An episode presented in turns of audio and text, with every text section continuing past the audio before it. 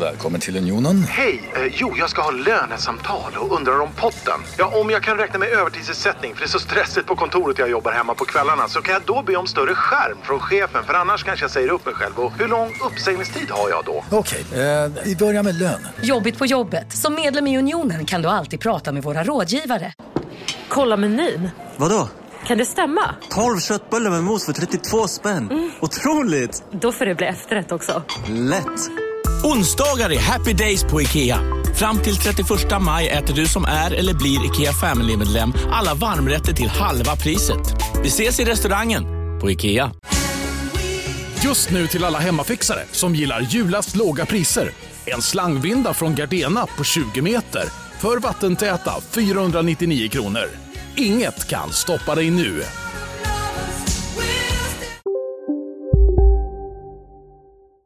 Hallå och välkomna till vår podcast Kulturbarnen. Eh, avsnitt 29 och jag heter Ida Thedéen. Och jag heter Pontus de Wolf. Woho! Välkomna! Välkomna! Och jag ringer, ringer in från eh, Los Angeles, närmare bestämt Beverly Hills. Och det är min sista dag i USA för den här resan. Oj! Får vi ta del av en av de timmarna på din sista dag? Vad ärofyllt. Precious. Ja. Ja, det är lite speciellt faktiskt. Jag har ju varit här nu i tre veckor. Mm. Och eh, det känns lite skönt att åka hem. Jag har faktiskt längtat hem jättemycket. Jaha. Härligt. Beror det Mm. på liksom saker du... Ja, hur, hur, funkar, hur funkar längtan hem? Det var så länge sedan jag var någonstans. Men att Mm. liksom... Saknar du rutinerna i Sverige eller är det att så här, är du klar med där du är? Eller liksom vad, vad är det som drar? Gud vilken bra fråga och vad fint du formulerade det. Jag Mm. har saknat, jag, hur känns det att längta hem? Det var så länge sedan jag var någonstans. Det där är ju en dikt. det var jättefint tycker jag.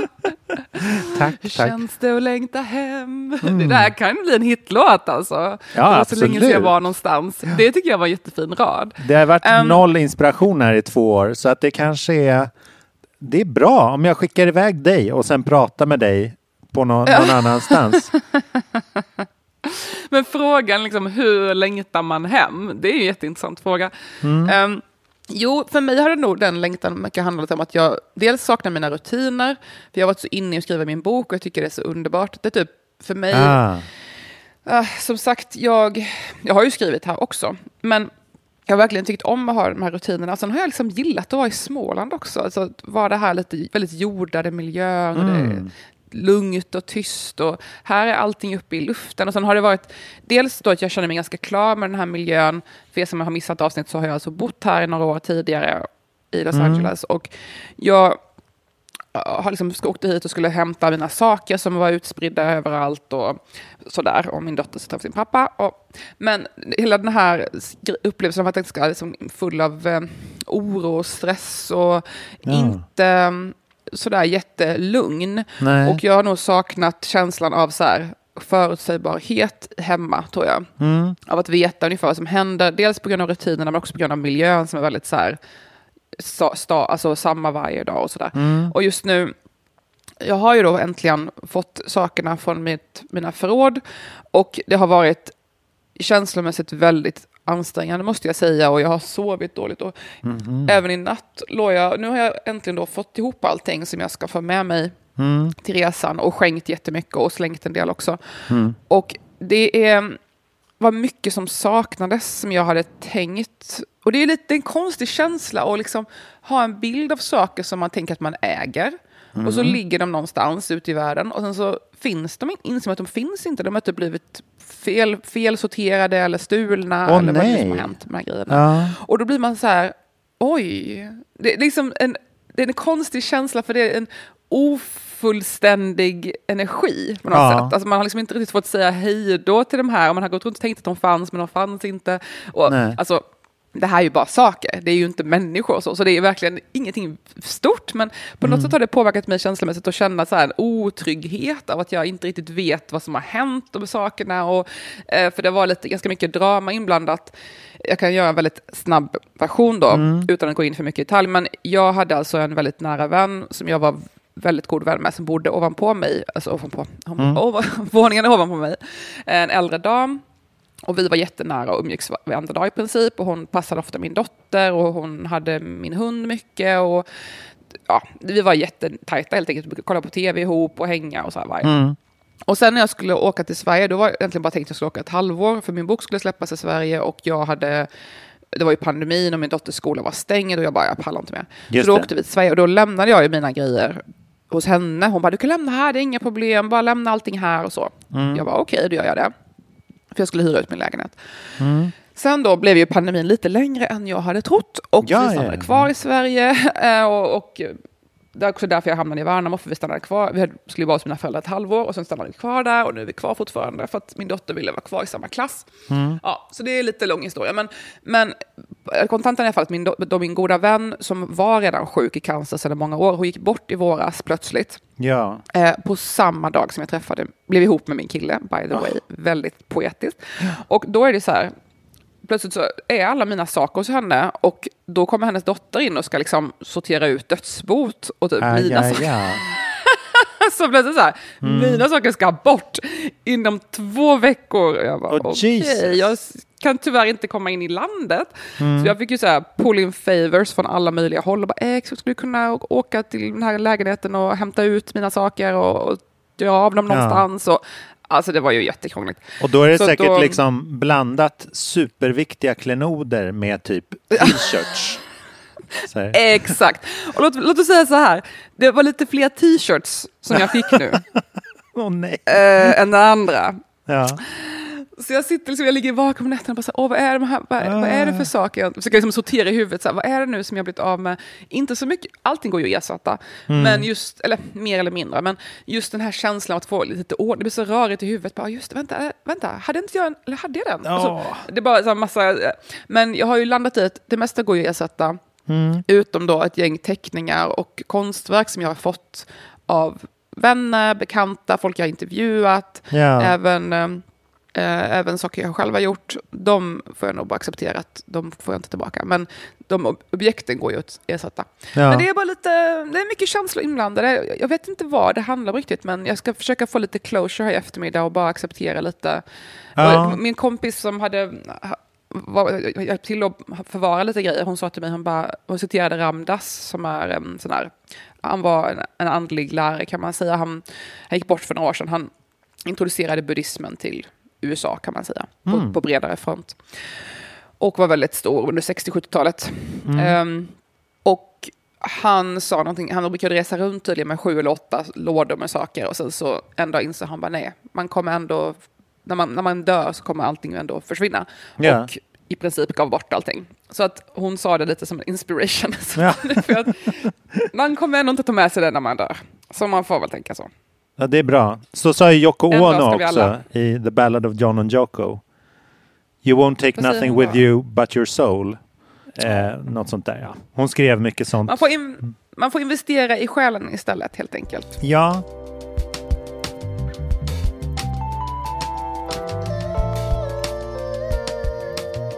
Men gud vad, vad omvälvande. Det är som att du har åkt till ett så parallell Beverly Hills. Som, jag har ju försökt uppa den här resan oerhört. Som någon slags här eskapistisk... eh, eh, liksom, eh, åka in i solen har jag föreställt mig att du gör. Och så har det liksom bara regnat. Dina saker som du skulle hämta fanns inte.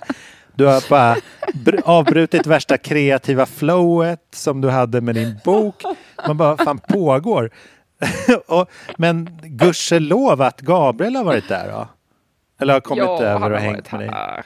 Det måste ju varit liksom min- räddningen för projektet. Ja. Universum ger och tar. Ja. Och det, det är verkligen sådär tycker jag. Jag, tycker, jag tänkt mycket på det på sista tiden. Så att ibland blir man ju lite avundsjuk. Det ska jag ju inte hy- hyckla med. Alltså när man är... Det blir säkert någon som är avundsjuk, avundsjuk på mig för att jag är i Los Angeles just nu. Det finns någon, jag är avundsjuk på någon annan för att den fick eh, bli intervjuad i sin bok och jag blir inte intervjuad av min bok. Alltså vi har alla eh, någonting vi sitter och är avundsjuka för. Någon är, någon är avundsjuk på att jag har en kille, jag är avundsjuk på att de har eh, pengar. Alltså vi sitter alla här och önskar att jag är lite annorlunda. Ehm, utom kanske finns någon lycklig person där ute som är verkligen tillfreds. Men De flesta känner ju den här känslan ibland. Ja. Och jag har tänkt mycket på det. Alltså, det är verkligen intressant hur universum bara tar och ger. Det är alltid någonting vi önskar. Alltså, Ja. jag, jag satt nu, gick, gick, gick tillbaka lite till, till mina anteckning, anteckningar tidigare i år. Och jag hade skrivit ett eh, dagboksinlägg den 17 mars. När jag var så här, fan vad jag är trött på det här. Jag kommer aldrig hitta kärleken. Fem år, absolut ingenting. Och jag har liksom gett upp helt och det kommer aldrig hända för mig. Och jag, bara uppgivenhet och besvikelse. Och bara, varför blir jag bara besviken? Jag blir bara sårad hela tiden och bla bla bla. Och sen så här, dagen efter träffade jag Gabriel. Det är fantastiskt. Han la upp en underbar bild på dig i hällregn häromkvällen. Där du ändå liksom lyckas se lycklig ut. Fast jag förstår att det är liksom, det är inte där ni var i tanken. Ja, jag var rätt ledsen alltså. Jag höll Ja. på att få en total shutdown alltså, mentalt. Vi fastnade i ös, ös, ösregn. Jag tog, slutade med att jag, tog, jag, gick in på Beverly Center och ringde en taxi. Han kämpade hela vägen hem, men hans Ja. skor är fortfarande blöta kan jag säga. Efter Ja. tre dagar. Vadå, du tog taxi, han gick? Han bara, jag vill bara komma hem. Jag bara, nej, Ah, faktiskt, ja, jag ja, ja. inte. ja. Ja. Så vi var så genomblöta att våra så här, dunjackor var blöta in på huden. Ni ser väldigt nykära ut i alla fall. Så här. Go Ja, ja, crazy, det- who cares? Kul, kul att det ser ut så. Ja. Nej men det är det här jag menar. Alltså, det kommer alltid vara, man kommer alltid vilja att någonting annat. För då, Mm. När jag sitter där i mars och bara, "Åh, jag kommer aldrig få kärleken, bla bla bla. Och sen så får jag det. Och nu sitter jag här och gnäller över något annat. Alltså Mm. Ja. det kommer ju alltid. Jag fick min dröm där uppfylld, nu är jag sur för något annat. Så, Mm. Ja. så det kommer ju alltid, det kommer alltid uppstå nya. Det, går, det finns ingen liksom quick fix. Livet kommer bara vara en serie Nej. besvikelser och eh, utmaningar som man försöker sitt bästa att överleva och klara med sig själv i behåll. Ja. Så. Men du var i alla fall i LA samtidigt som Joan Didion dog. Alltså inte bara Joan, också Eve Babbitt som är min andra stora. Jag har två stora California favoritförfattare och Ja, även favoritförfattare överhuvudtaget. Och båda två dog samma vecka. Shit. Det där var sjukt. Men det är väl många som dör kring jul. Det känns som en sån här tid när många typ dör. Jag vet inte. Why not? Det är kanske då man ska passa på att resa. Nej men så här, mör- Gud. så här mörkaste dagen på året så det är som att själen bara okej nu, Ja. nu somnar vi in. Men vad hade du för relation till Joan Didion? Var det något? Jag tycker ni har lite samma kvaliteter, men det kanske är bara Ja. fördomar. Jag, uppsk ja, jag uppskattar verkligen det och jag känner lite så själv också. Att vi, jag tror att hon har ju också jobbat som journalist mycket och är ju romanförfattare. Och jag tror att vi, precis som jag då, och jag tror att jag har känt igen mig mycket i hennes skrivande. Jag tycker att hon skriver på ett sätt som jag känner igen mig i. Och jag tror hon också, hon gillar också lite det här enkla skrivandet fast ändå en twist, en poetisk rytm eller en poetisk twist. Fast ändå väldigt, eh, det är ju inte krångliga ord så. Så jag, jag, jag känner själv, jag är glad att du säger det för jag känner själv så att vi har mycket släktskap i vårt skrivande. Ja. Så det, det, men jag, men jag, jag blir inte så ledsen när folk dör. Alltså det, jag blir så, jag blir alltid lika chockad folk är så här, åh, jag, jag, jag, hjärta är krossat. Jag bara, hon var typ 90 år, alltså Eller det är okej. Men det är lite att Eller hur känner du? Jag- Nej, jag, jag bara tänkte att du kunde liksom ta, plocka upp lite av hennes eh, själ där, eller manna och liksom ta med hem till Sverige. När du ändå är där. Men precis så, ja, men exakt Pontus, precis så känner jag. Typ. Ja. Jag, jag tror ju, okej nu blir det lite, mm, kanske flummigt för vissa, ni får bara ni får muta, men jag tror ju typ att när människor går bort så lämnar man lite av sig själv till människor omkring som passar. Och jag har känt det där själv, typ när vissa stora lärare i ämnen som jag är intresserad av har dött, så har jag känt att jag får lite som en litet, ibland har jag fått lite som en liten boost ehm, av deras ehm, och det är ju jätte, såklart hemskt att man dör, men jag tror att själen går vidare. Så att för mig är det så här, ja, man går in i en annan skepnad. Ja. Så att för mig är inte, det är inte, det är hemskt, men det är ju liksom, ja. Det är ju värre för oss som är kvar. Ja.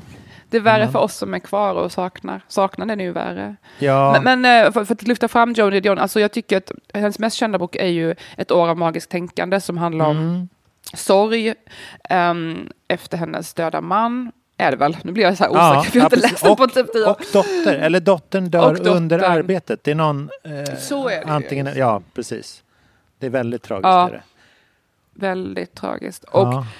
då, ehm, den är ju den mest kända boken kanske. Det har också satts, upp som teater. Jag var såg den som teater faktiskt nere Mm. på Teater Galeasen tror jag det var i, för, några, för kanske tio år sedan.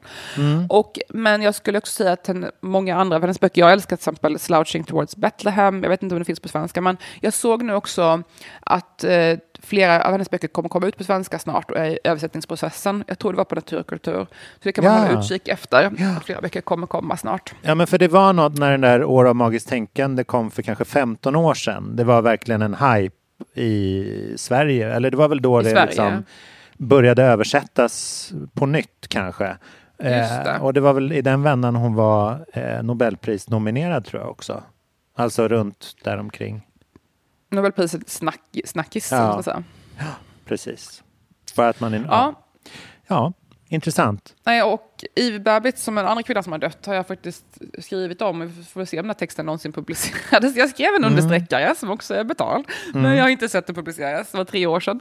Men det kanske, har vi tur kanske den dyker upp. Ivy Babbitt är alla fall en fantastisk eh, California-författare. Hon brukade bo precis bredvid, nära mig här i West Hollywood. Men jag har aldrig träffat henne. Men hon, är, hon var skrev mycket på 70-talet. Hon var verkligen så här it-girl på 70-talet och festade och eh, ja, hängde Mm. runt med alla kändisar och sådär. Och sen så eh, blev hon väldigt sjuk och eh, fattig och så vidare. Eh, Mm. bekant från min bok om June Mansfield, samma, samma Ja. öde.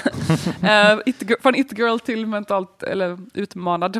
Eh, men eh, så har det kommit, hennes böcker har översatts, eller kommit ut på nytt nu senaste åren och blivit superhypade här i USA. Alltså verkligen så här jättehypad litteraturvärlden i USA senaste fem åren kanske.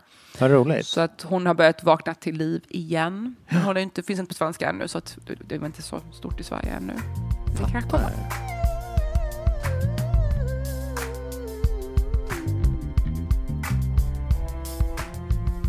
Ha, men vad händer? Nu har jag babblat så mycket. Vad händer Pontus? Vad vill berätta? Ah, jo, men det, jag, jag idkar någon slags jullovsexistens här. Som, det har varit väldigt härligt. Um, julen kom och gick och det är ganska slaskigt. Vi hann vara mycket ute i naturen och nu är vi inne i stan och liksom står i musikhör och eh, eh, pysslar hemma och eh, rensar och sånt där. Sånt som man ska göra på jullovet, liksom återfå krafter. Jag hade, jag hade några ego boosts här som var välkomna precis innan jul. Ja. Som eh, massa Berätta. fina recensioner som kom in på både eh, julskiva och eh, den här svenska jazzskivan som jag har producerat. Det var väldigt härligt. Och sen så var jag på en Tommy Körberg-konsert i Ersta kyrka här uppe på Södermalm. Där han och Ersta kammarkör sjöng eh, jullåtar och sånt där. Då sjöng han faktiskt en låt som jag har skrivit. Som jag inte visste att Nämen. han hade med i sin repertoar. Men var, ja, det var så mäktigt. Gud vad kul! Ja, så det var faktiskt... ehm, det är sällan jag går på liksom... eh, Jag hör min egen musik eller vad man ska säga. Det är en, det är en lite läskig och eh, men oerhört smickrande liksom Wow. grej som går genom kroppen då. Var det den här, hur känns det att sakna? Det var så länge sedan jag var någonstans. Exakt. Allt, allt smart jag säger i podden är i själva verket bara quotes från mina egna låtar. Planterade. Nej, det var, jag skrev till en eh, julskiva som han släppte för kanske sju, åtta år sedan. Den sista, sista som såldes som så här Coops julskiva på CD. Kaching! Ja. Eller? ja, det var tiden man kunde säga kaching om musik. Men eh, jag, var, eh, jag och min, min dåvarande låtskrivarpartner Salam Al Fakir gjorde en låt som hette eh, Mitt barn, du sover stilla. Och eh, handlar om legenden om Sankt Nikolaus, a.k.a. tomten, som gick runt och la mynt i fattiga barns, sovande fattiga barns skor under natten. Det är liksom så legenden om strumpan och sånt där har eh, tagit Aha, form. man hänger upp strumpan ovanför Mm. spiselkransen. Och, mm. Precis, men den var, det är mäktigt och, och den spelades in med stor symfoniorkester i Norrköping. Och det var så här märkligt svulstig ja, egoboost som nu liksom repeterades och sen han sjunger fantastiskt. Så det var svinroligt på alla sätt och vis. Gud, nu fick jag en flash, när du sa det här så fick jag en flash som svar på din fråga innan. Jag satt och funderade, så här, vad är det egentligen som gör att jag längtar hem så mycket? Och jag tror när du sa det här med Norrköping, då kände jag, jo, nu vet jag. Det är den här känslan att allting är så greppbart i Sverige. Allting känns liksom inom nåbart och inom kontroll. Man Just får, det. det är lite lättare att sortera. Så här, Aha, men vi åker till Norrköping och spelar in en symfoni. Alltså, what? Typ här skulle det vara så här, ska man då ta LA Phil? Alltså, det, allting är så stort och liksom vitt och sprätt, utspritt och så här. I Sverige är det väldigt, allting är så litet. I Sverige är ett litet land. Så allting blir så inom räckhåll så det går att göra grejer på ett annat sätt. Och det, det går att så här, ringa upp någon och bara, vi gör det här. Typ. Här är det så här, ah, du, du är den största, vad heter det? Symfoniorkestern i världen, ska jag Ja. ringa dem då? Eller? Alltså det är så det, allting blir så rörigt. Så jag, ja, jag tror det är det. Greppbarheten och känslan, det är trygghet i greppbarheten i Sverige. Ja, ja, men det är ett bra ord. Och sen på, Mm. på juldagen så, inte nog med det. Det, det har kommit en ny, sån här, äh, en ny eh, dokumentär om Evert Taube på SVT som heter Evert, Evert, Evert. Eh, Det här är så himla typiskt dig att du, du kollar på den. Nej, men jag kollade inte på den först. Men sen, jag fick höra från en, en lyhörd eh, släkting att eh, en, en låt från den här jazzskivan som vi, vi spelar ju gamla svenska klassiker på den i instrumentalversionen och däribland Så skimrande var aldrig havet som är Evert Taubes bästa låt. Eh, då hade de plockat in den som liksom för att featura, för att Men representera gud vad kul! Det var jätte... Men och det, var, det var verkligen en så här blixt från klar himmel. För att kan, det är lite roligt hur SVT och public service fungerar. För att vanligtvis när man ska så här, du vet, synka låtar och pitcha dem till reklam och eh, spelfilm och så här, få med dem på en Netflix-serie och så här. Det är liksom big business. Som man har så här agenter som springer till andra agenter som ska så här cleara det och cleara det. Public service har ett så här liksom, det har liksom kontrakt med Sveriges musiker att så här, de tar vad de vill ha. Och man vet inte i förväg. Sjukt!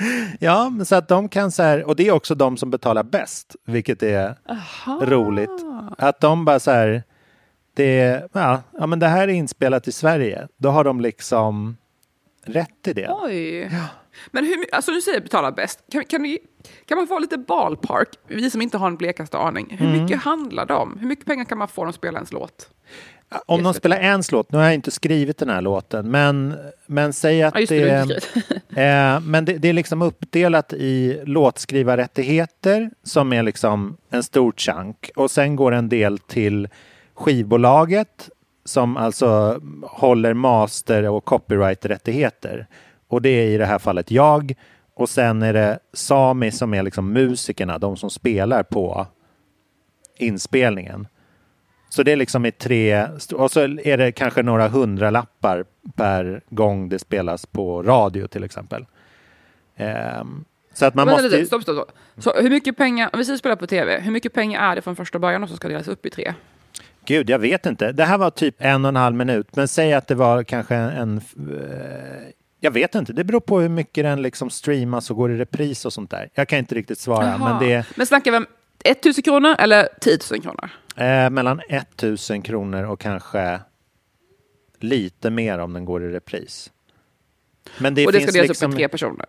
Tre delar. Ja, exakt. Men det finns liksom Okej. inte en rangordning mellan så här, om du spelas i början och slutet av programmet eller om det är en vignett eller någonting annat. Eh, Okej. Men om det är specialskrivet till någonting då, är det, då sker det förstås liksom en, en faktureringsprocess. Absolut. Nej, men alltså anledningen till att jag frågar bara för att det, det är så, jag, fick ett, jag fick ett väldigt kul meddelande här för, efter förra avsnittet som någon som bara pratade mycket om att vara kulturarbetare. Förra avsnittet pratade mycket om stipendium och sånt där. Och då var det någon som sa det bara, så kul det är att få höra mer om det här, hur det funkar, för det är lite så gatekeepad process, alltså det är en process som folk inte känner till, hur det funkar med ehm, att vara kulturarbetare, hur försörja sig och så vidare. Jag vet inte om gatekeeping är rätt ord, för jag tror inte det är med flit folk håller undan. Gatekeeping bygger ju på att man håller undan kunskapen med flit. Och det tror jag inte folk gör. Jag tror bara folk famlar i mörkret Det är Ja. alltså, all kunskap är så här, man bara berättar för varandra. Typ. Man bara så här, äh, vänta lite, hur funkar det här? Eh, man får liksom fråga folk. Det finns ingen, ingen riktig guidebok och det finns ingen regelbok och det finns inte, det också ändras hela tiden. Mm. Ehm, så jag tror inte det finns någon så enkel ehm, manual. Så därför får man verkligen fråga varandra. Och vi pratar ju mycket om det också transparent här i podden och försöker vara öppna med. Mm. Jag tycker det är intressant att höra, för jag har ju ingen koll på det här med musik, men att, att, vad, det, vad det handlar om egentligen. Så när du säger att du får kanske några hundra för att din låt spelas, inte din, Mm. men, ja, din låt spelas i, i tv.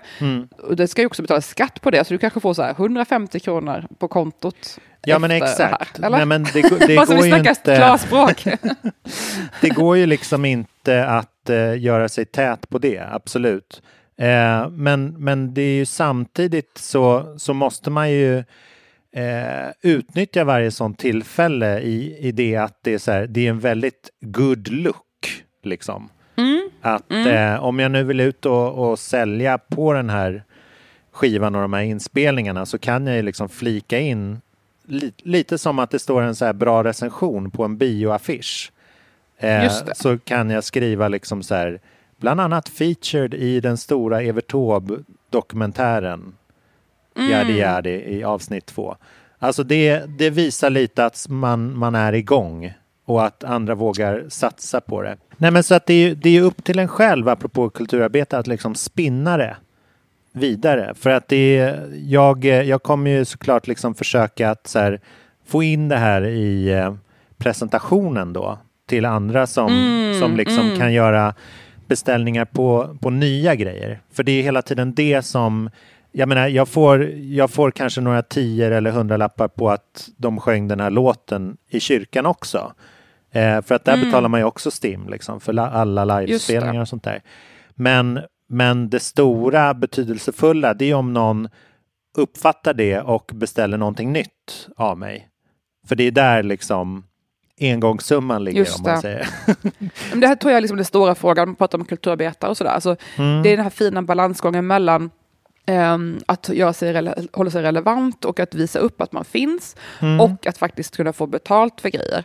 För att det, det kan ju vara på alla, tidnings, alla tidningar i världen, liksom. men Ja. du får ju inte betalt för att du blir intervjuad. Du får ju Nej. betalt för arbetet du får göra sen. Så det gäller ju det är ju det som är den fina gränsen tror jag för många kulturarbetare. För att vi sitter här och har massa cred och folk bara, ja, men hon får ju vara med överallt. Man bara, ja fast jag vill också få betalt för Mm. grejer. Alltså, man kan ju inte leva på cred. Nej, nej, nej. Och mm, man kan inte leva på kulturellt kapital. Nej. Så det är ju det här som är den fina gränsen. Men samtidigt måste man ju ha det där för att fortsätta få jobb. Om man vill jobba med kul saker såklart. Då. Så kan man, så kan man ju göra andra saker. Men det, är liksom, det där tror jag är den riktigt magiska kryddan, eller gränsen, Ja. om man vill arbeta med, med kultur. Är just att hålla, hela tiden hålla sig, ha lite sådana där grejer som sticker ut, som man kan flasha och sen Mm. fortsätta jobba behind the scenes. För det där det är en grej som jag också har rannsakat mig själv kring nu under ledigheten. Jag märker att jag liksom läser mycket mer böcker och tittar på filmer och ska återkomma till det och så här, lyssna på musik så här intently för att eh, jag har tid helt enkelt och inte behöver tänka på jobb och arbete och att jag själv ska kreera massa saker. Nej, men då märker man ju verkligen att så här, lite är vi skyldiga till det också, att det finns ju ett så här sål som kommenterar kulturen och refererar kulturen hela tiden och att det på något vis eh, är ju en underhållningsform i sig. Och att när man är så här busy under, un, under högsäsong så att säga så kanske man liksom nöjer sig med ett litet referat av samtidskulturen. Så här. Och så glömmer man bort Mm. och och försörja den, den egentliga kulturen. Alltså att man, man läser så här tio, tio artiklar om filmen Pleasure, men ingen gick och såg den. Liksom.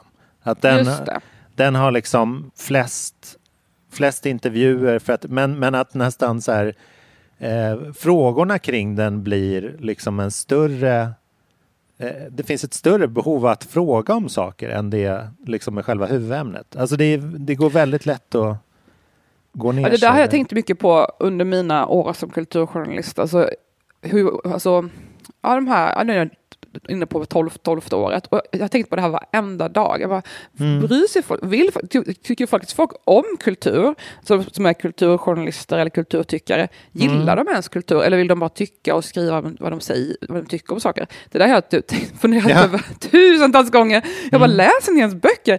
Tittar ni på film? Lyssnar ni på musik? Eller vill ni bara slänga er lite åsikter och, och synas? Jag, ibland undrar jag verkligen. Ja. Alltså jag, jag försöker också läsa och, läsa och titta mycket och sådär, men ibland känns det som att man är den enda som gör det. Det känns som att de andra bara vill tycka om det och inte faktiskt läsa. Nej, nej men, Men- jag, ja, jag är liksom bara intresserad av det där runt omkringet om det är en diskussion. Och att man liksom känner sig, det, är den, det har vi återkommit ofta till, att jag tycker det är den finaste komplimangen vi kan få, att, vi, att lyssna på oss ska kännas som att prata med en kompis om någonting man har upplevt. Liksom. Ja, det är ju underbart. Och att folk, precis, att folk blir inspirerade att själva fördjupa sig i grejer Mm. och läsa eller, eller vad det nu kan vara, lyssna på någon låt. Precis. Alltså jag, jag, träffade, ja, jag, fick, jag träffade en kvinna häromdagen som, he, som har skrivit, um, hon heter Kim Christen, hon har skrivit den här filmen eh, Before Sunrise, du vet, Before Sunset, med Mm. Julie um, Delpy och Ethan Hawke. um, av Richard Linklater, klassiker. Mm. Hon skrev den med Richard Linklater. Men hon är också um, expert på um, Anna Isnin. Mm. Så vi hade träff, träffat hon fika häromdagen och pratade. Och det är väldigt intressant för att hon frågade ut mig och ville veta allting om June. Och jag visste ju massa då som, hon inte, som ingen annan vet. Så. Mm. Utom de som läst min bok. Men, Mm. eh, sådär. Så att det, i och med att boken inte, inte är översatt ännu så finns det ju ingen som i USA som vet de här sakerna som jag vet. I och med att jag har lagt tio år av research på min bok. Ja. Och, och så, så jag satt liksom där typ en timme och berättade saker och hon frågade ut mig och ville veta allt om June. Och det är rätt intressant för hon är ändå expert på Anna Esnin och hon visste Hej, Synoptik här. Visste du att solens UV-strålar kan vara skadliga och åldra dina ögon i förtid? Kom in till oss så hjälper vi dig att hitta rätt solglasögon som skyddar dina ögon. Välkommen till Synoptik. Känner du igen en riktigt smart deal när du hör den? Fyra säckar plantjord för 100 kronor. Byggmax. Var smart. Handla billigt. Just nu till alla hemmafixare som gillar Julas låga priser. Ett borr och bitset i 70 delar för snurriga 249 kronor. Inget kan stoppa dig nu.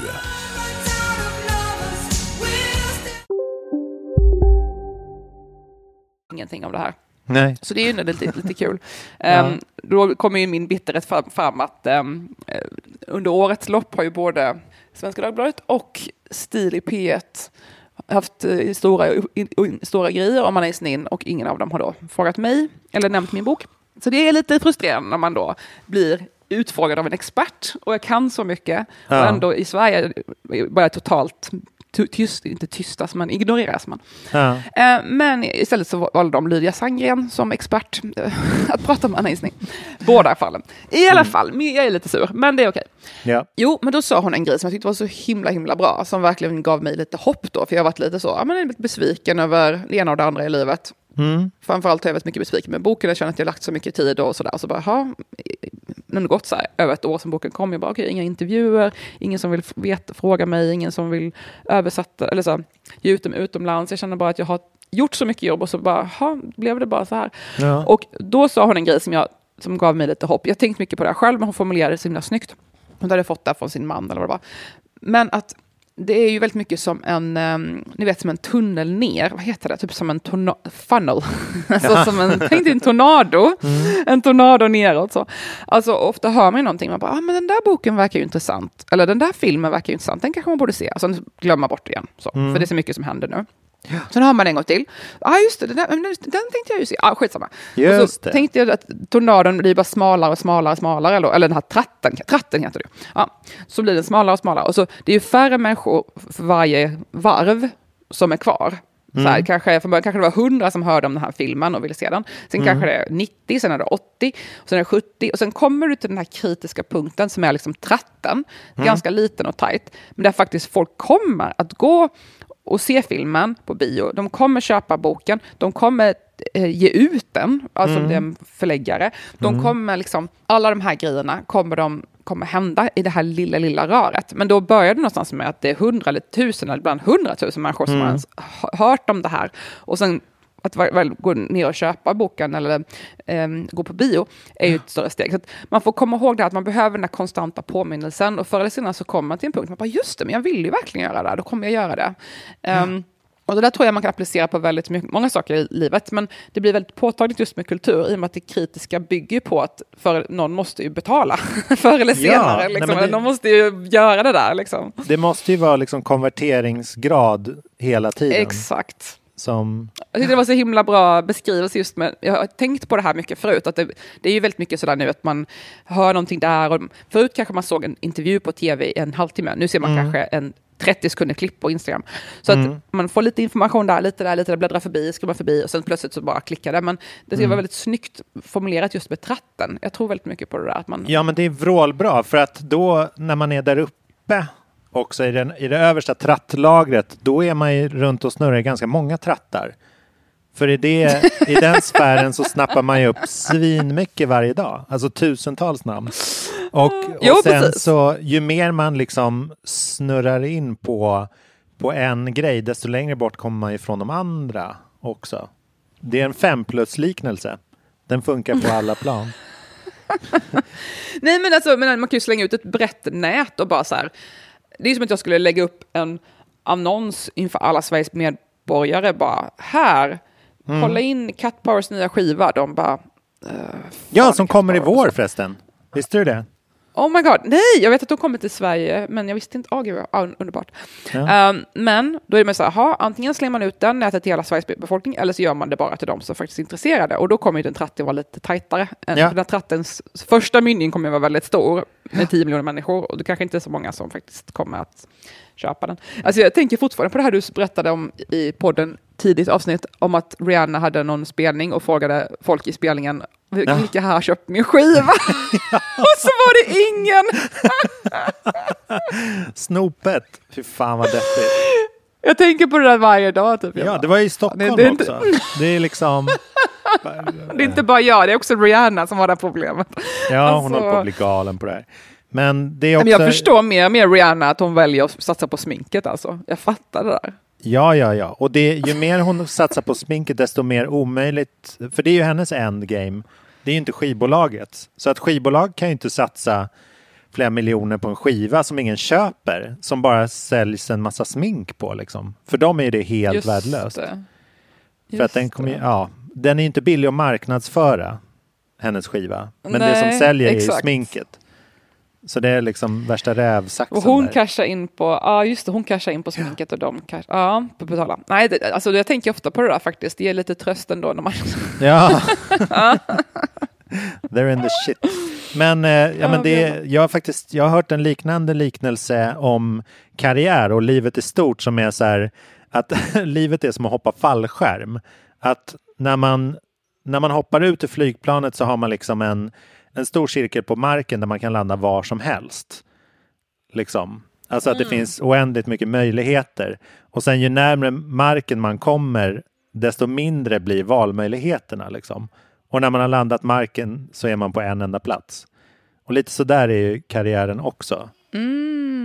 Så det, vi pratar om himlar och funnels idag. Jag tycker om tratt, Alltså- tratt-teorierna. Livsvisdomspodden med Ida Ja. och Pontus. Det är något nytt här alltså. Ja.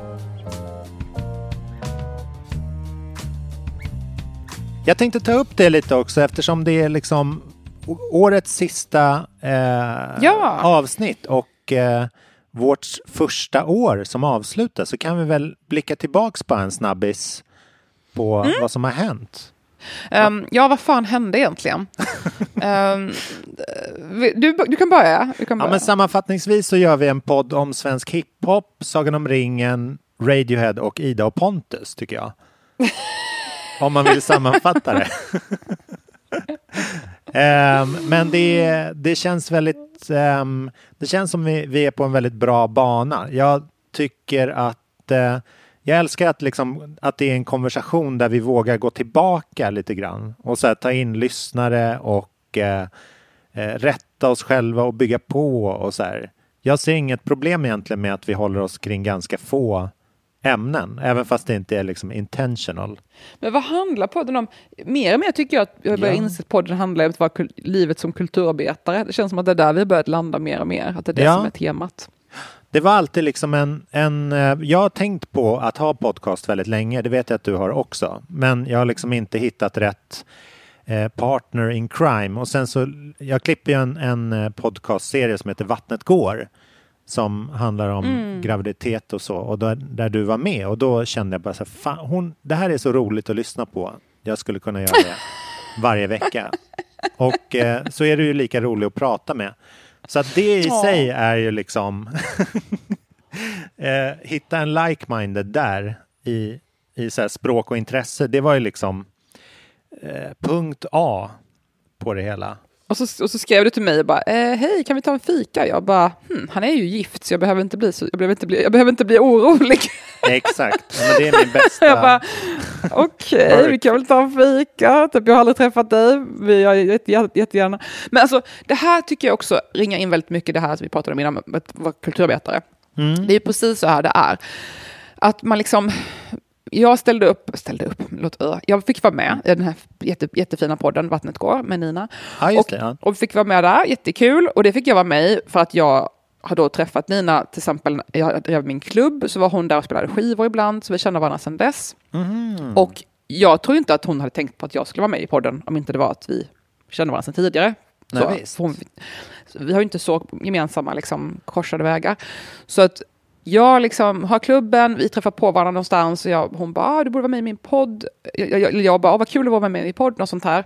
Mm. Ehm, eller kanske pratade på Facebook eller något sånt här. Och sen är jag med i podden och så hör du mig i podden när du klipper den och så skrev du till mig och nu sitter vi här och har en podcast. Och Mm. vem vet, vad är nästa steg? Ja, ja, och allt precis. det här är ju bara, började ju bara med för att jag tackade ja till att vara med i podden. Så att, så att man får liksom, så där får man tänka mycket tror jag. Man kan inte, om man vill jobba med kultur, Mm. vilket jag vet att många som lyssnar gör, vill eller gör redan. Man måste ju alltid hitta, hitta den fina gränsen. När kan jag ställa upp på någonting? Och det gör man ju då gratis. Ah, jag, jag får inga pengar för det. Liksom. Så, aha, Mm. ja, men jag tar den här tiden och gör det här. Det, vad kan det leda? Jag vet inte. Ingenstans eller någonstans. Man kan inte alltid veta. Och så måste man veta när ska jag göra, ta det där steget och när ska jag känna att det här är inte värt det. Jag Ja. orkar inte skriva en artikel till den här tidningen gratis för att jag ska få synas mer. För jag tycker att jag borde redan de borde redan veta, veta vem jag är som läser den här tidningen. Typ så har det hänt. Ja, Men ja. däremot podden är helt andra människor. Så att man får tänka så här, vad är värt och vad är inte värt att gå in och göra saker. Nej men absolut. Det tror jag är ett väldigt talande exempel för kulturarbetlivet Ja, som och i att stort. det där du sa att Sverige är så greppbart, det är ju, man måste ju, här är det ju viktigare än någon annanstans att vara snäll hela tiden. Jag har liksom, varje Jo, år är har jag såna här grejer. I, I somras jobbade jag med en ljudtekniker som ställde upp superbilligt för så här, eh, som reste runt med Titio. Ehm, och han fixade värsta grymma dealen så att de kunde spela i min lada där på Gotland. Ehm, Mm. Och då bara så här, fan vad duktig du är, eller så här, vad bra. Ja men Pontus, för 15 år sedan, då var du ljudtekniker på Pet Sounds bar när jag var i Stockholm för första gången från Norrland. Och, så här, och du gav mig så Ah. mycket självförtroende och då valde jag att satsa vidare på musik. Man bara what? Wow. Och då kan man ju vara liksom dryg och kasta kapsyler och be bandet hålla käften. Men då får man ju inte hjälp 15 år senare. Utan då kanske Mm. någon liksom pulls the plug. Och det var något sen, alltså, tidigare i veckan här också som man bara så här, aha, okej, wow. Att man... Eh, Ja, det man, är long game alltså. Ja, det är long game. Man har ju otroligt mycket ögon på sig, liksom. Hela tiden, utan att man egentligen tänker på det. Ja, exakt. Det man gör spelar roll. Jag, jag vet inte hur många gånger jag har hört folk som hör, hör av sig och bara åh, du inspirerade mig till det här och du, tack vare dig gjorde jag det här och bla bla bla. Och jag har ingen aning. Jag bara, aha, okej. Mm. Jag, jag bara kör på min grej och så, så jag kan tappa räkningen hur många gånger folk har hört av sig att de har blivit ja, inspirerade eller tagit något steg i livet på grund av det. Ja, Eh, Så man, som du säger, folk tittar fast man inte märker. Ja. Det är så. Man får bara försöka göra så gott man kan och vara schysst och ja men precis. plantera lite grejer. Men just det, vi skulle prata om året, året in review. Men ska vi ta lite personligen då? Eller, eller personligt slash professionellt Ja. året genomgång. Var befinner oss nu? Var, var befann du dig för ett år sedan och var befinner du dig nu? Och hur tycker du att det förhåller sig till varandra? Och är du, är du nöjd eller besviken? Eller? Ja, men jag, tro, jag trodde vi var på väg liksom ut ur pandemin då. och att det skulle liksom tillbaks till normalitet på något sätt. Och eh, så att jag, eh, jag sökte väldigt mycket så här att jag ville vara med personer igen. Och då är, alltså för att prata om podden igen, så är det någonting väldigt så här eh, identitetsbyggande, både för en själv, att man liksom har en rutin, men också att man eh, liksom har någonting som fäster, som man kan, ett, ett liksom, en conversation piece typ, när man träffar folk. Att man Mm. vill vara en så här, i en röra. Ja, och sen så gick det inte så fort som man hade kunnat tro, så att den, jag tror att det har varit en liksom jättevälgörande fönster mot yttervärlden för mig alltså. Och det är nu om, nu behöver man ju sådana väldigt mycket. Jag är liksom aldrig ute och träffar någon direkt, om det inte är i jobb. Om man säger nu. Men på pri- privatplan då, förutom podden? Alltså, var du befann dig för ett år sedan? Känner, hur känner du att det här året har gått för dig? Nej men vi är på en jättebra plats, alltså jag och min fru Elsa. Det har varit ett väldigt skönt år på det sättet. Vi har liksom knutit samman mer som familj och inte varit så nervösa över att behöva plisa andra tror jag. Alltså att man, när, när ens unge är fem, då har man landat lite i att så här, eh, man bryr sig inte riktigt om att så här, uppfylla ens plats i den större släkten riktigt längre. Utan man gör saker mer eh, på egen hand. Och det Ja, Man är lite i spotlight när man har en liten bebis. Alla ska liksom lägga sig i första Ja. åren sådär. Precis. Eh, och i år Som har vi liksom... förälder, typ. Ja, vi har chillat jättemycket med så att vi bjöd inte in särskilt många till landet. Alltså annars har det varit så här Mm. öppet hus. Eh, vi hade ingen form av liksom mottagning eller eh, så här gathering runt jul, vilket var jätteskönt. Men vi pyntade hela Ah. vår lägenhet ändå. Men tidigare har vi liksom Mm. verkligen sett oss som det här navet på något vis. Mhm. Eh, som vi, och det, det är inte som att någon annan reagerar på att vi inte är det heller. Så det där är så himla mycket en, en bild man målar upp om sig själv, tror jag. Just att man det. liksom är, man vill, man, man tror sig vara den här kuggen, liksom, som är någonting. Och sen så bara säger man att så här, nu orkar inte vi viktig." vara här just nu. Då bara, okej. Eh, Men och annars så är jag på ett helt fantastiskt plats, liksom konstnärligt och kreativt. Alltså i vad jag gillar att göra. Jag har producerat väldigt mycket gångna året, eh, men liksom gått lite andras ärenden om man säger i det. Ehm, vissa känner sig ju liksom som att det gör dem fullkomliga, men jag vill ju skriva mycket musik för att jag ska känna att det är värt någonting. Liksom. Mm. Ehm, och det kommer jag göra och har, har verktyg och eh, medel för det kommande året. Så det är lite jag, sådär halvt nyårslöfte för dig att, att satsa mer på ditt egna skapande. Ja, eller det är liksom redan satsat, så nu ska det Mm. iväg. Bara Ja. skjutas. Ehm, så det, är- jag, jag gillar platsen mycket, där jag är just nu. För det där tänker jag är en väldigt viktig grej när man är kulturarbetare men också för alla människor i överhuvudtaget. Att Mm. väl, alltså, jag har ju alltid varit den här som bara kör mitt race och folk bara oj vad mycket du får gjort. Jag bara ja, alltså jag har ju hög kapacitet men jag gör ju också bara min grej. Hade jag lagt den Mm. tiden på att plisa alla andra då hade jag ju inte gjort de här sakerna. Alltså jag har ju aldrig typ var, jag är alltid den här personen som inte typ köp, som inte som glömmer bort sociala spelregler för att jag bara gör min grej. Men å andra sidan så gör jag ju min grej. Så att man kan inte alltid få allt, man kan inte vara den här perfekta plisande personen som håller i alla eh, fester och gör alla rätt saker och, och samtidigt lägger sin själ på sitt kreativitet. Det går ju inte att göra allt. Och jag, det är ju typiskt kvinnofälla det här att man ska vara den som gör alla andra nöjda och har det perfekta barnkalaset och har det perfekta det här och det här och det här. Ja. Um, Medan jag är lite mer så här, "Ja, ja, jag gör det med, jag, jag styr upp det sista minuten och sådär.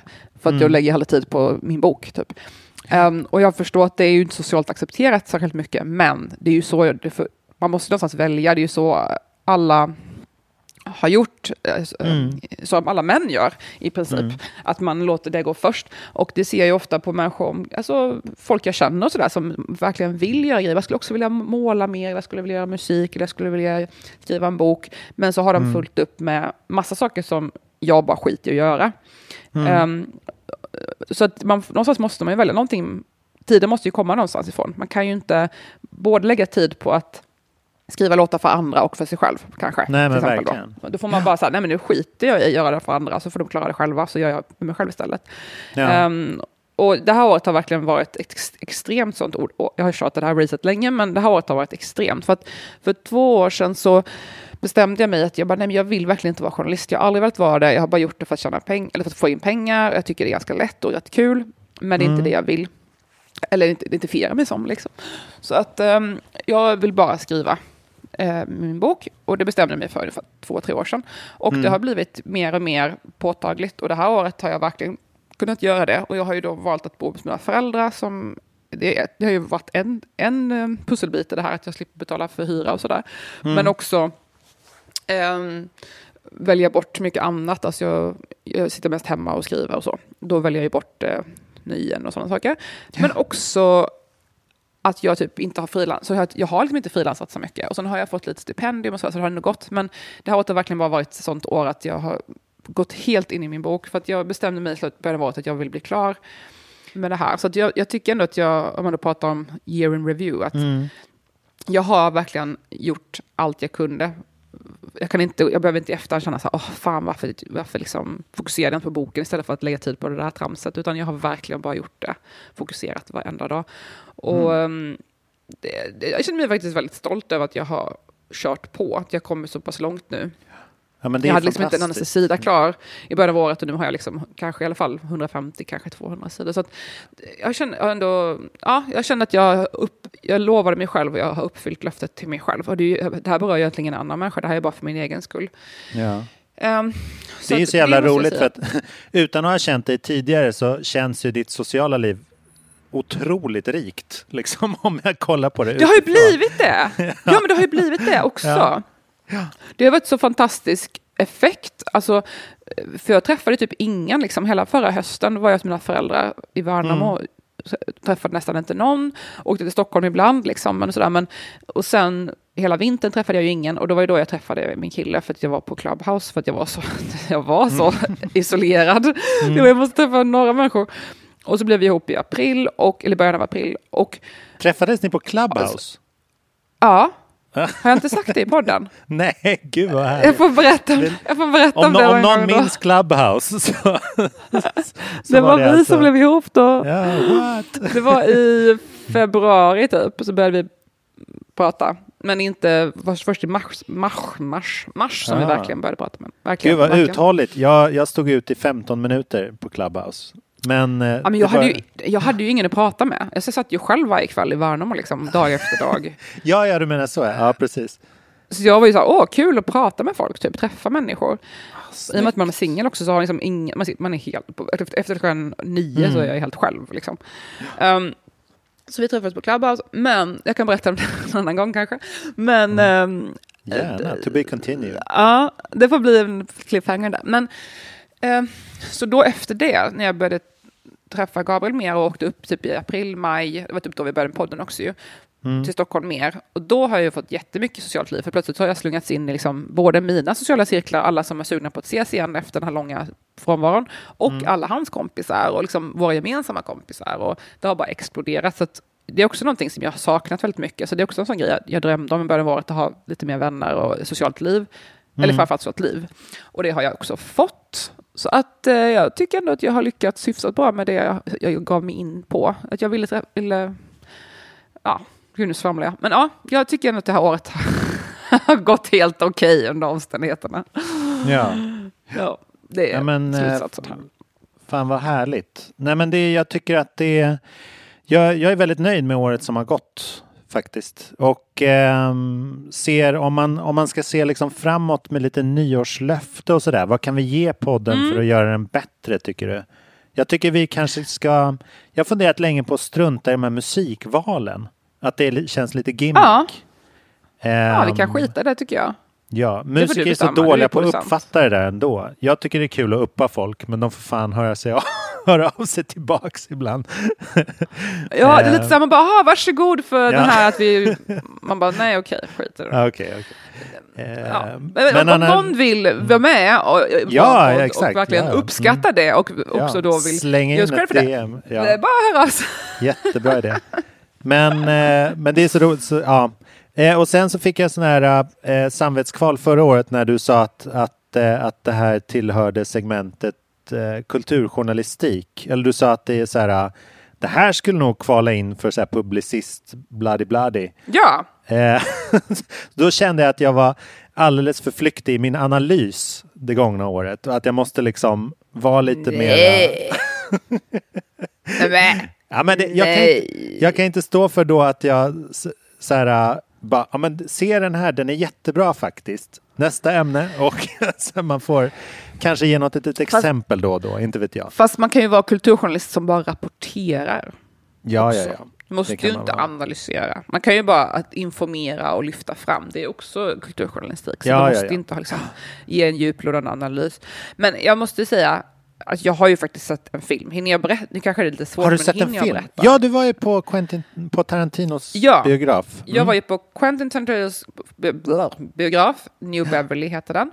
Och New Beverly Cinema och det är ju fantastiskt. Alltså det här Aha. är ju, ja det är ju en lite så gammaldags känsla. Det finns bara ett, ett biografrum och väldigt Mm. affordable prices. Det kostar 15 dollar att gå på bio. Och det, ni som går på bio ofta, som jag, vet att det kostar ofta lite mer. Eh, och de visar nästan alla filmer på 35 millimeter. Ehm, alltså på film, film. Mm. Och de har lite så här kul, billiga popcorn, så här 40 spänn för popcorn typ. Och sen så massa roliga dricka, dry- drycker, alltså typ så olika läsk som man inte annars ser. Mm. Ehm, och så går man in där och så visar de då olika klassiker och nya filmer blandat. Och den här gången så såg jag en film av Paul Thomas Anderson, som är en legendarisk filmskapare, som heter Licorice Pizza. Mm. Och den eh, har inte kommit till Sverige ännu och kommer nog ta Nej, ett bra tag innan i den kommer faktiskt. Ja, jag såg att den Ja, kommer i vår i mars-april eller ah, något okej. sådär. Då kanske vi pratar om den igen då, när det närmar sig. Men jag må- den var otroligt bra och um, huvudrollen spelas ju av sångerskan från bandet Heim, Heim som du kanske känner till mer. Mm. Ja, de tre, är de systrar? Jag kommer inte ihåg. De Ja, tre tre systrar. Och precis, huvudrollen spelas av en av systrarna då. Och de andra systrarna är också med i Cameo, alltså spelar hennes systrar i filmen. Och det här fick jag reda på handlar mycket om också att det har varit inspelat under coronaepidemin. Så att han har liksom fått pull in favors för mycket folk och varit så här. Ah. Hej, eh, Sean, eh, Sean Penn, kan du komma in lite och spela lite? Ja, Okej, ja, schysst, snälla, kan, du är ändå i stan, kan inte du komma in och spela in det här? Så det är mycket sådana där, Bradley Cooper spelar en helt otrolig roll, Sean Penn är skitbra, alltså, det är så mycket bra skådisar som bara dyker upp från ingenstans. Och det är ju lite så här, det är ju arthouse-film, det är ju inte, det är inte blockbuster så, det är ju inte Nej. liksom det är inte som en actionfilm, utan det är ju mycket så här random grejer som händer. Den är lite rolig och det är mycket ra- fragmentariska stories som händer. Men mycket, grundidén är väl att det ska handla om Paul Thomas Andersons egen uppväxt på 70-talet i Kalifornien. Lite saker han upplevde som är så här ihopslagna till en film. Mm. Eh, vi kan prata om det mer sen när den kommer i Sverige kanske, men men, jag tyckte den var otroligt bra och rekommenderas varmt. Och framförallt biografen, vilken upplevelse. Och det är så kul också att sitta i ett rum med bara filmnördar. Alltså alla där älskar film. Och särskilt i Los Angeles finns det ju verkligen folk som älskar film, som jobbar med film och, som dör för Mm. film. Liksom. De samlas ju här. Så man sitter i ett rum med typ hundra andra filmälskare och nördar. Och de har här trailers, också på 35 mm film. Och det finns en, ett huvudtema i filmen att huvudrollen, den, hon den här Haim-tjejen, hon är ju typ 25 och det är en kille som är 15-16 och de har liksom en kärleksrelation som utvecklar sig under åren. Mm. Fast den stora åldersskillnaden då. Eh, och det här är också en referens till många andra, som jag ser det, 70-talsfilmer. Typ Hen- Harold and Maude, som är en sån gammal klassiker. Också med åldersskillnad, en ung kille och en äldre kvinna. Mm. Ehm, och de Mrs också- Robinson, vad heter den där? Ja, Mrs det var- Robinson, precis. Ja, så det finns ju en hel, det fanns en hel del sådana filmer på 70-talet, så det är också en referens till den grejen typ. Ja. Så den kan man se som för, om man, vill hypa upp sig inför Licorice Pizza kan man kolla på Harold and Maude. Tycker jag, det är en klassiker på 70-talet. Ja, nej, men det var fantastiskt. Så jag, tips, tips, tips. Vi kommer ju vara en sån här omöjlig föräldrageneration gentemot våra barn eftersom vi upplevde så jäkla mycket bra film i vår ungdom.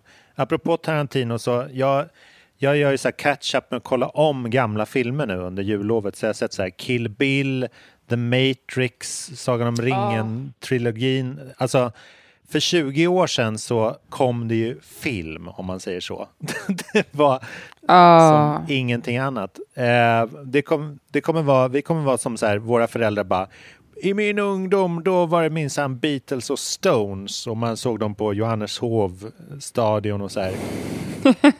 När våra stackars barn kommer hem från Iron Man 9 och ska så här, prata film med oss. Det är på tv det händer nu för tiden, Ida. Men jag måste säga att jag tyckte den var bra, den här eh, Don't Look Up på Netflix. Det var ju deras största satsning någonsin. Just det, Ehm, klimatfilmen. Den ska jag också se. Ja, den tycker jag ändå, alltså den, den ska ju nå en väldigt bred publik, så den är ju anpassad efter det också. Så det, den är ju inte Mm. lika så. Den är lite annan stil, men jag tycker ändå att den är väldigt sevärd, särskilt som film man kan se med hela familjen också, för den är ju väldigt tillgänglig för, för alla. Det finns humor i den för alla liksom. Så Ah, tycker jag ändå man kan schysst se. Det, det var ju. Netflix största satsning någonsin ekonomiskt. Och det tror jag vi kommer se mer av nu, alltså lite kanske till och med lite smalare filmer. Så jag tror ändå det Ja. finns en framtid för den här lite mer arthouse-filmen fast i streamingtjänsterna. Så jag, jag är ändå hoppfull för framtiden. Du har helt rätt. Du har helt rätt. Ja, med de orden ska vi Mm. eh, avsluta veckans avsnitt. Ja, det har varit underbart kul att, att koppla in sig i, i LA-tråden igen. Så hörs vi men jag, mår, ja, men jag mår lite bättre nu känner jag. Ja, Ja, härligt. jag mår lite bättre nu. på- För jag tyckte att jag kom in här och var lite så här, åh, nu har jag fått, jag behövde lite closure, men jag tycker att jag har fått det nu faktiskt lite closure och att prata av mig lite om det här med alla mina Mm. ägodelar och sånt. Ja, Man det där- kommer ju ändå bli av med allting min- när man dör. Jag hittar inte min bröllopsring sen i våras. Ska det kanske inte är något man Oj. berättar. Men, men det, Jo, men gör det, för det kanske är en massa människor som är mediala Ja. som lyssnar som kan hjälpa dig. Komma hem till mig och Det leta. kanske du kan få tips. Nej men det är verkligen... tips. det är, så där gör man och sen så kommer de tillbaka kanske. Men jag känner verkligen igen känslan av att så här, va? Var den inte där? Var ska jag leta då? Ja, men Då kan exakt. den ju vara var som helst i hela världen. Ja, men liksom, det går igång, nej, men det är faktiskt en o- o- oroväckande känsla, det är lite så här eerie, Mm. man, man bara oj, om jag inte vet det här, vad vet jag då? Man börjar ifrågasätta Ja, hela sin ja. verklighet, liksom. vad är jag egentligen säker på? Eh, oj, vad jag hoppas att du får tillbaka din uh, bröllopsring 2022. och då hörs vi, vi, vi, Småland. ska, vi har försenat, vi firar 12 år i vår och eh, ska köra lite så här försenat eh, 10-årsjubileum. Så jag kanske köp, får en ny ring, inte vet jag. Ja, en sig. ännu bättre ring. Exakt. Bättre ring. Det är klart. Ja. En bättre. Here's to a better Okej. ring. Here's Ja, a men- better ring. Ja, Vi hörs nästa år ifrån Småland. ja, safe travels som man säger. Och välkommen hem. Tack snälla. Hej då allihopa som lyssnar. Hej då, Kul att gott ni är nytt här. Mm. år. God fortsättning. Hej då. Hej då.